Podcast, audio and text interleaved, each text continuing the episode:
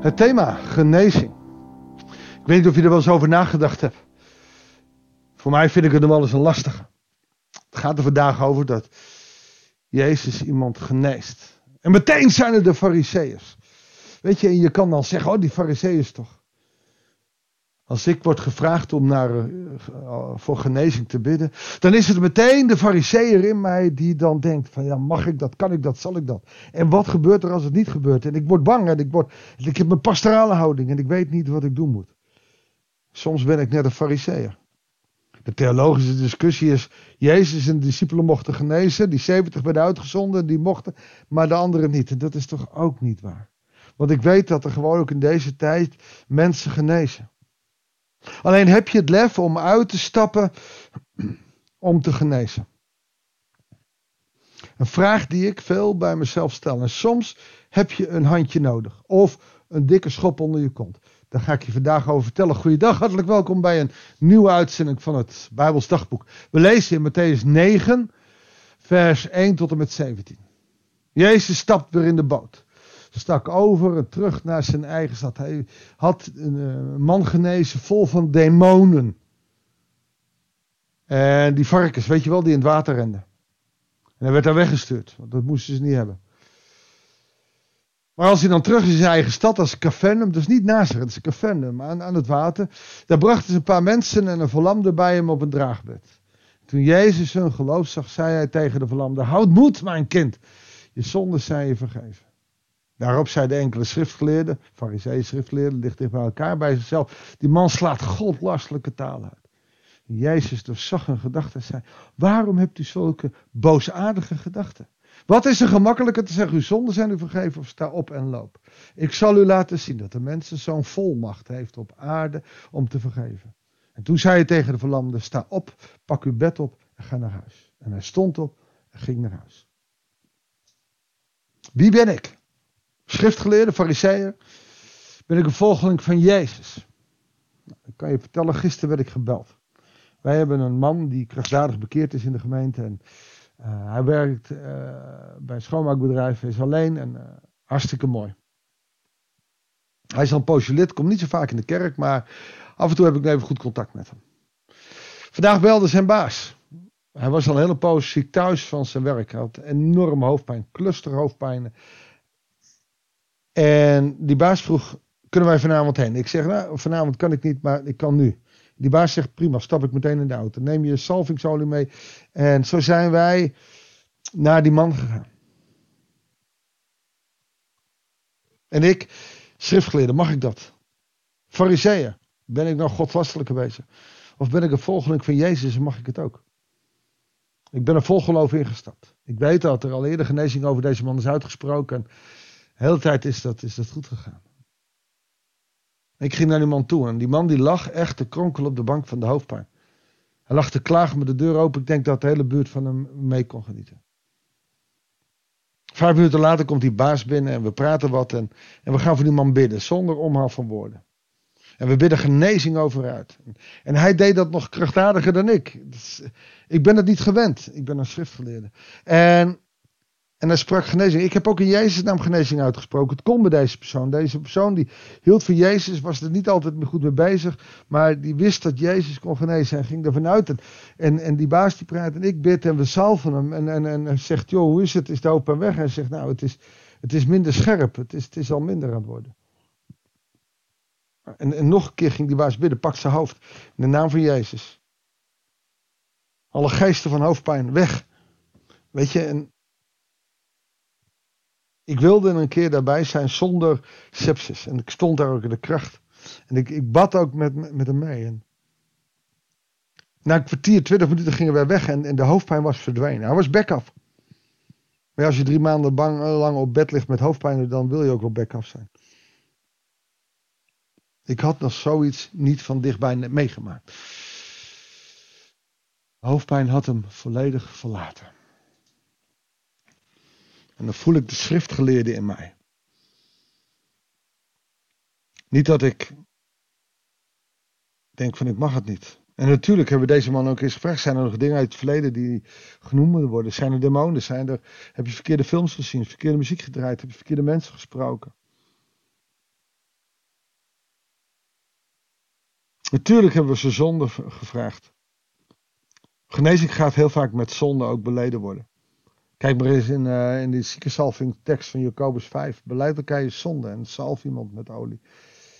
Dat de genezing plaatsvindt. De belangrijkste genezing, daar blijf ik bij, is de genezing van het hart. Is je hart geven aan Jezus.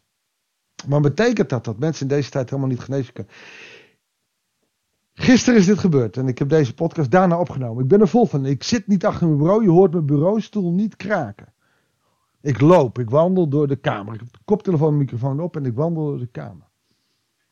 Vol van wat gebeurt. En er sluipt meteen die, die sepsis in. En ik ben niet bij die jongen gelukkig. Van, hé, hey, is dit waar? Is dit, of is dit, zijn de pillen die gaan werken? Ik weet niet. En ik heb gezegd, ik kom morgen terug. Ik kom morgen terug bij je. Ik wil in die kracht van Christus gaan staan. In de naam van Jezus mocht ik genezing uitspreken. En die jongen, die man, die stond op en die, die was zijn hoofdpijn kwijt. Dat is toch bijzonder? Weet je, ik ben er vol van. Het is niet iets wat ik als schriftgeleerde of goed gereformeerde jongen heb meegemaakt in mijn leven. Heb, heb, heb gehad in mijn opvoeding of in, in de manier waarop ik met mensen sprak. Het is niet iets vanzelfsprekends. En, en ik wilde daar heel nuchter gewoon in staan. Maar ik weet ook dat ik regelmatig wel sepsis had. En dan, dan roep ik die theologische discussie aan. Was het voor ons of was het voor, voor hen? En nu, nu heb ik die schop onder mijn kont gekregen en meteen ben ik erheen gegaan. Zonder twijfel. Ik kan nu. Stap ik nu in de auto. Moest ik een kwartiertje rijden. Die baas kwam uh, tien minuten later en samen we gebeden. Want in de naam van Christus, in de naam van Jezus, dat is een machtige naam, kunnen wij wonderen doen in deze tijd. Afgelopen zondag ook uitgestapt in de naam van Jezus. Onrust uitgesproken over alle bezoekers van Defcon. Want er werd zondagavondmaal gevierd met iemand in een toga en een masker van de duivel op. Met een wc-borstel werd iedereen gezegend in de naam van de duivel. Ik heb, en zeker als je in Elburg zit en dan zo dicht bij dat gebied zit, waar dan die tienduizenden mensen zijn. En waar eerst een paar weken geleden opwekking was en nu de duivel aanbeden wordt. Dan, dan voel je die geestelijke strijd. En dan, dan heb ik, ik ben ook, gewoon uitgestapt. In de naam van Jezus, breng onrust. Zodat mensen vanuit die onrust gaan zoeken naar wat perspectief in hun leven. En dat vinden ze niet bij de duivel. Dat vinden ze niet bij die verschrikkelijk harde muziek. Dat vinden ze bij Jezus. En ik hoop dat ze naar huis zijn gegaan, een bed opgepakt hebben, dat ze onrust hebben en dat ze op zoek gaan. En ik heb ook een zegen uitgesproken over alle mensen die daar geweest zijn, vooral de jonge mensen, dat ze Jezus mogen vinden. Deze man die we vandaag lezen in, uh, in Matthäus, die staat op en die gaat naar huis. Toen de mensen dit zagen, waren ze vol van ontzag en vervulling en ze loofden God. En misschien is dat dat enthousiaste gevoel wat ik nu heb, dat ik God wil loven, omdat wat Hij doet. Dus ik bid over die man waar ik net geweest ben, voor jullie gisteren, en dat. En ik wil ook dat jullie met hem meebidden, voor die man. Meneer T, zullen we meneer T noemen? Ik ga geen namen noemen. Laten we de AVG-regels ook maar gewoon in acht houden. Of, of jullie gebed willen uitspreken over meneer T. Dat hij de kracht mag houden om, om in Jezus te blijven staan. Want we hadden een poos ook nog geen Bijbel gelezen. Hij had niet gebeden. Dus ik moet als pastor daar vaker heen. Toen Jezus daarvan verder ging, vers 9. Zag er bij het tolhuis daar een man zitten, Matthäus. Een man van het geld, een man van de mammel. Volg mij. En Matthäus stond op en volgde hem. Weet je, soms zou ik willen dat ik de autoriteit had van Christus. Ik charismatische woorden had van Christus. En ik ben er op zoek, moet ik nou enthousiaster praten? Nou, nog enthousiaster dan ik kan het niet. Een andere manier. Nee, ik mag ook gewoon mezelf blijven. Maar één ding. Ik geloof in God, schepper van hemel en aarde. Ik geloof dat Hij genezer is. En dat er genezing uitgesproken wordt over deze wereld. En ik hoop dat jij er ook in gelooft.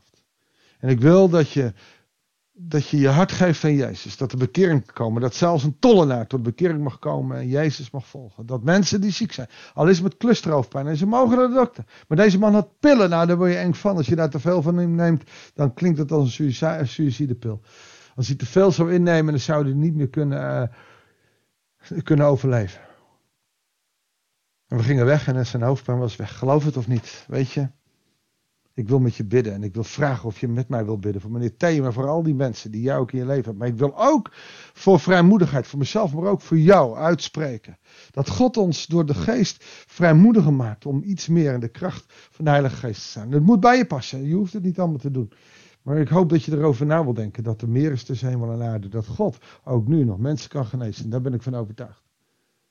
Doet hij dat op mijn gezag of zijn gezag? Jongens, het blijft ontzettend moeilijk. Laten we daar maar om bidden. Heere God, we komen bij u voor uw aangezicht. Weten we dat u de grote God bent, die schepper is van hemel en aarde. En dat u veel meer kan dan wij denken, Heere God. En u wil ons in die autoriteit zetten. Want u zegt ook in uw woord, als jullie vergeven, dan is het vergeven. Vergeven jullie niet, dan is het niet vergeven. Heere God, dat lezen we in een andere evangelie. U zet ons in de kracht van de opgestaande Heer. En Jezus genas, waarom mogen wij dan niet genezen? Heere God, en wat er gisteren gebeurd is, dat is voor mij een les. En ik wil vragen, Heere God, dat we nu met z'n allen, alle luisteraars van de podcast, nu voor meneer T willen bidden. Dat we zegen uitspreken over zijn leven. Dat hij genezing mag doorzetten. En dat hij volledig genezen mag gaan. Dat hij andere mensen ook mag helpen. Maar ik, ik bid u ook voor vrijmoedigheid voor de luisteraars, voor mezelf. Dat we uit mogen stappen en de genezing over mensen uit mogen spreken, zodat die genezing ook komt. We mogen weerstaan in de kracht van Christus. Heere God, leer ons zo in die kracht te gaan staan. Dat bid ik. In de naam van de Allerhoogste. De naam van de Heer Jezus Christus. De kracht van de Heilige Geest. Vrijmoedigheid. En, en krachtdadig optreden. Zij over jou in de naam van God. Amen. Dankjewel voor het luisteren. Ik wens je God zegen. En als dit te ver gaat voor je, prima. Weet je. Morgen weer een andere uitzending. Graag tot de volgende uitzending van het Bijbels Dagboek.